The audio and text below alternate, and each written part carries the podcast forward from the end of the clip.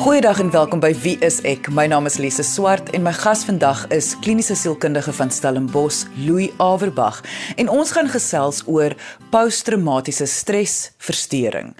Hoekom gaan ons daar gesels? Wel, diegene wat gereeld na op gesprekke luister oor wat die effek gaan wees van COVID-19 hierdie inperking sou al agtergekom het mense verwys gereeld daarna dat hierdie kan gesien word as 'n moontlike traumatiese ervaring. So, hoe meer inligting ons vooraf kry, hoe beter kan ons dit dalk verhoed. Louis, ek wil sommer afskop deur te vra, kan ons net gesels oor presies wat is 'n posttraumatiese stresversteuring? Ons praat nou van posttraumatiese stresversteuring oor die algemeen. En dit is letterlik as mens mooi luister na wat die woord sê, posttraumatiese stres. Daar's 3 komponente. Die een is traumaties. Met ander woorde daar is 'n reaksie of 'n ervaring wat nie normaal is nie. Dis traumaties. Dis erg. En stres, traumatiese stres, dui dan aan dat hierdie ding wat erg is, het 'n impak op jou liggaam. Dit sit druk op jou, daar's 'n effek op jou. Dis nie net dat dit daar is nie, dit affekteer jou. As mens nou nou die woord post bysit, posttraumatiese stres beteken dit nadat hierdie situasie wat dit ook al is, druk op jou liggaam gesit het, sit jy na die tyd post met gevolge daarvan.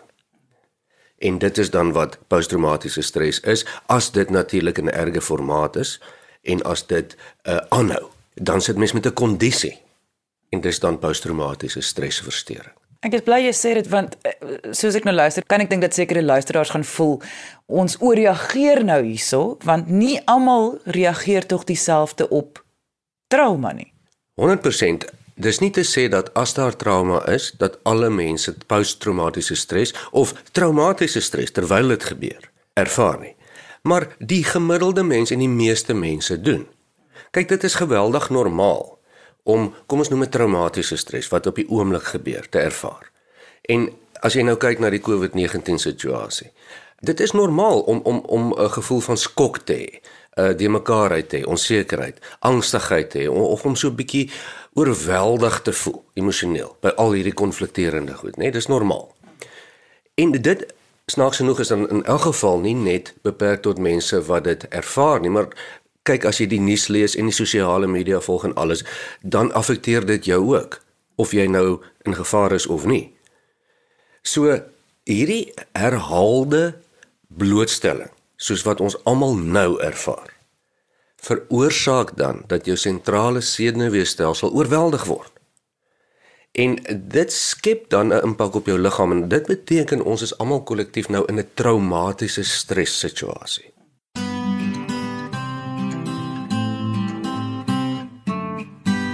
As hierdie ding aangaan, die stres op jou liggaam. En dit is nie net nou beperk nie, dit hou weke aan en selfs maande aan. Dan gaan ons later dalk praat van posttraumatiese stres.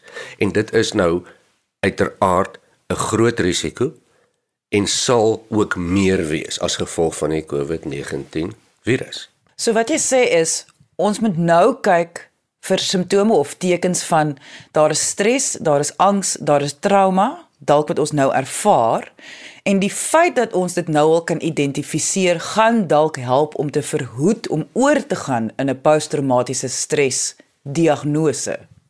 Dit is heeltemal reg. En dis waar mens nou bietjie moet kop hou. Want onthou die traumatiese stres, dit wat ons nou ervaar, is dan iets wat jou hele gevoel van sekuriteit ondermyn. En en terwyl mens nou angstig is en nou bekommerd is, is dit dan juist belangrik om te kyk wat is nou toepaslike angs en toepaslike stres en wat nie sodat mens keer dat jy oor 'n paar maande met die gevolge hiervan sit as die hele pandemie dalk verby is en ek praat van emosionele gevolge nie van finansiële gevolge nie. Kom ons begin dan met die positiewe. Wat is toepaslike stres of angs wat 'n mens nou kan ervaar? Die hele onsekerheid wat met die hele pandemie gepaard gaan. Om hulpeloos te voel en angstig te voel is baie toepaslik. En ons moet nou mooi praat oor angstig. Uh, ons ek praat nie van totaal buite beheer angstig nie. Ek praat van meer bekommerd as gewoonlik en jy kan voel jou liggaam is bietjie saamgetrek. Jy bietjie meer emosioneel gedreineerd. Dalk daardie ervaring van van verlies, nê? Dit voel so half of so hartseerig of of om dit moeilik te vind om te fokus, te slaap en om om mense hier meer te beteel soos gewoonlik. Dit is alles normale reaksies op hierdie abnormale situasie waarin ons is. Nou die enigste verskil tussen om dan bekommerd te wees en angstig te wees en normale stres te ervaar. En kom ons praat van traumatiese stres wat dalk moontlik oor kan gaan in posttraumatiese stres. Is die intensiteit daarvan en die lengte daarvan. So as mens daarom deur die dag kan kom en jou maag draai so liggies en jy's bietjie angstig, is dit meer toepaslik. As jy herhaalde paniekaanvalle kry, is dit nie meer toepaslik nie.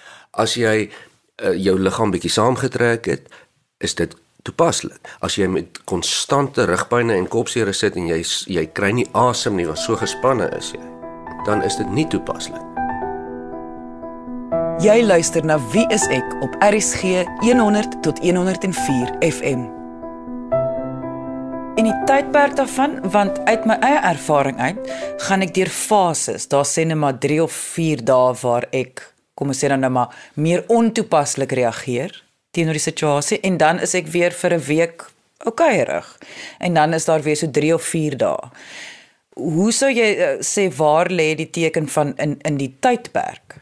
Soos met enige kondisie of situasie of toestand of iets wat die mens ervaar. Kyk mens mos nou na 'n patroon en jy kyk na 'n lengte van 'n tydperk en jy vra hoe lank. Onder normale omstandighede as ons nie konstant blootgestel was aan hierdie virus nie. En daar's 'n insident. Mense is gestres daarna, jy ervaar traumatiese stres wat normaal is. So 3-4 weke, miskien tot so 6 weke daarna behoort dit te hou en dan behoort dit stadig weg te gaan. As jy 3 maande na 'n insident nog sukkel om te slaap en jy kry terugflitsse van die insident, ehm um, en jy uh, kan nie lekker funksioneer nie, dan is dit nie normaal nie. Dan sit daardie ding nou binne in jou lyf. Jy weet en en en dan begin die impak van die traumatiese stres wat jou liggaam ervaar begin dan in jou emosies infiltreer. Wat mens dan kan begin ervaar is hierdie hierdie regtige gevoel van 'n uh, 'n uh, diep woede, skuldgevoelens, skaamheid oor jy so sukkel met hierdie ding, maar ander mense lyk like of hulle lekker kan aangaan en of hulle goed alles kan hanteer. Uh en natuurlik die onophoudelike gedagtes oor die trauma. En dis wat die kern is van 'n traumatiese stres wat oorgaan in 'n posttraumatiese stres. As COVID-19 verby is, want dit gaan een of ander tyd verby wees. Sal dit nie toepaslik wees om 6 maande nadat alles begin funksioneer het. Ek praat nou van onder normale realistiese omstandighede. Nog 2, 3, 4 ure daaroor te bekommer, daaroor te dink, per dag dit binne in jou te maal en te bedink nie. Want dit is wat met sommige mense gaan gebeur. Dit is wat posttraumatiese stres gaan doen. En dit is dan die verskil tussen waar ons nou is en dis dis normaal om bekommerd te wees. Dis maar dis nie normaal om 24 uur bekommerd te wees nie. Soek jy 'n professionele persoon in jou area? Gaan kyk op die Wie is ek kontaklys by www.wieisek.co.za. Nou gaan ek vir jou 'n moeilike vraag vra, dit is onregverdig want jy is ook vir die eerste keer vasgevang in 'n pandemie wêreldwyd. Jy praat van hoe die patroon dan deel raak van jou as mens en daai patroon is eintlik die ding wat dan die gevaar begin veroorsaak éventueel. Nou sit ons al 2 maande met 'n patroon in teorie. En sekere mense is meer trauma sensitief as ander. Sou jy sê dat indien iemand van die begin van die inperking tot nou nog die hele tyd 'n uh, uh, meer gedrewe of 'n meer intensiewe angs ervaar, liewerste nou maar nou hulp sal moet vra?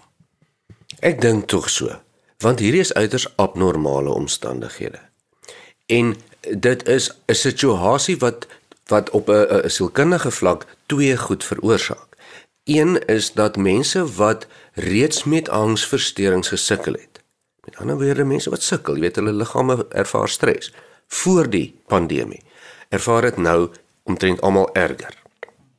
Mense wat nie daarmee gesukkel het nie, begin dit nou ervaar. En jy sê te reg dat ons sit nou 2 maande al in 'n situasie en ons weet nog nie hoe lank dit nog gaan wees nie. Dis uiters abnormaal vir mense om aan konstante stres blootgestel te word. Nou, sommige luisteraars wat hier luister gaan dalk dink ja, maar dit is darm nou ook nie so erg nie. Maar dit hang af van uit watter posisie jy uitkyk. Want as jy onder 'n groep mense is wat minder bevoordeeld is in terme van inkomste, is jy baie groter risiko. Al die navorsing wys dit. En is mense baie meer gestres en word baie mense baie meer gebrandwerk as moontlike draers van 'n pandemie. So dit is nou realistiese druk of stres. Dis nie meer op 'n afstand nie, nê. Nee. As jy heelwat ouer is, as jy 'n groot risiko is, as jy sosiaal geïsoleerd is. En dis dis meer mense daar as as as mense wat in gemaklike posisies sit om die pandemie te hanteer. As jy bekommerd is oor wat gaan gebeur as jy mediese sorg nodig het en die staatshospitale uh, vol is, dan ervaar jy toenemende ervaring van stres. En wat beteken dit? Beteken jou liggaam raak al hoe meer saamgetrek, saamgetrek, saamgetrek. Dit maak jou natuurlik 'n baie groter risiko om siek te word. Want jou immuunstelsel word aangetast en dit maak die angstigheid nog erger. So hierdie is nie 'n situasie waar ons op leunstoele kan sit en sê, ehm um, kom ons kyk bietjie hoe lyk die angsprobleem onder die bevolking nie. Dis 'n realistiese probleem en wêreldwyd is dit groot bekommernis onder regerings en organisasies oor wat van geestesgesondheid nou en dit het te doen met traumatiese stres en posttraumatiese stres. Want die die stres wat daar teenwoordig is is heeltyd teenwoordig.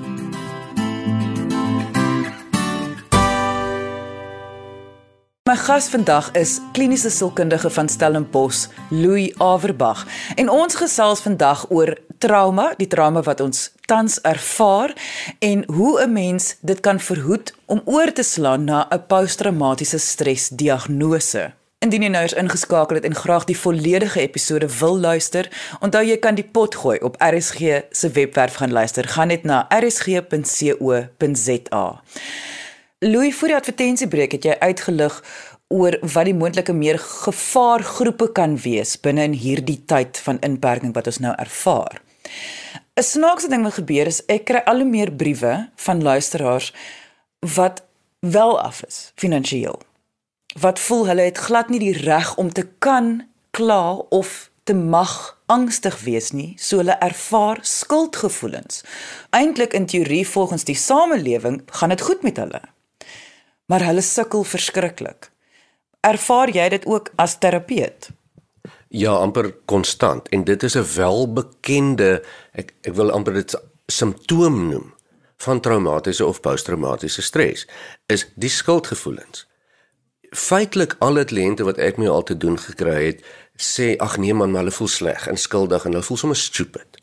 Want daar's mos ander mense wat erger af is en die skuldgevoel wat daarmee gepaard gaan. Jy weet, jy lees dalk in die koerant van mense wat geen kos het om te eet nie.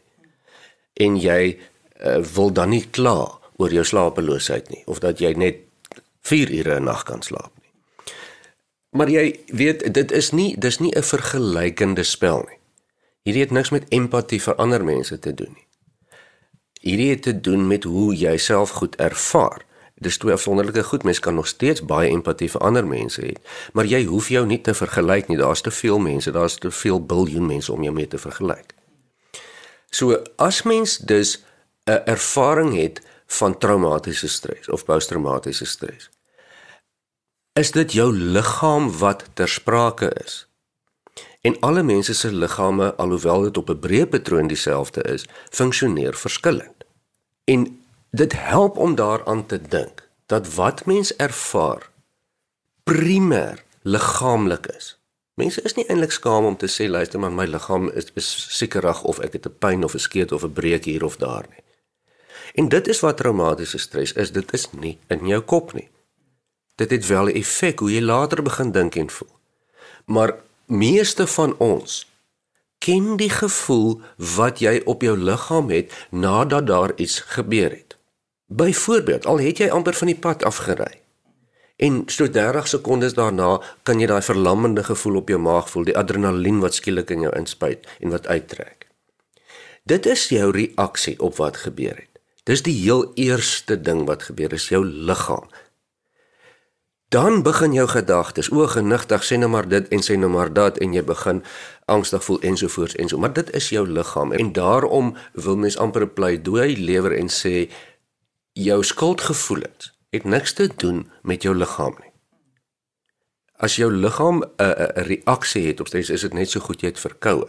Want nou is jou immuunstelsel in gevaar. Jou senuweestelsel is in gevaar en die ervaring wat jy het is jou is 'n liggaamlike fisiologiese reaksie. Dit is nie jy wat simpel is nie. En ek dink wat mense ook nie altyd in ag neem nie, is dat trauma kan of jy nou finansiëel sterk is of nie, kan enige mens affekteer. Dis amper net soos COVID-19.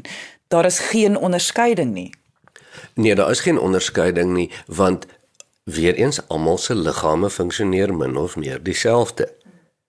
Uh dit het niks met met niks meer as dit te doen nie.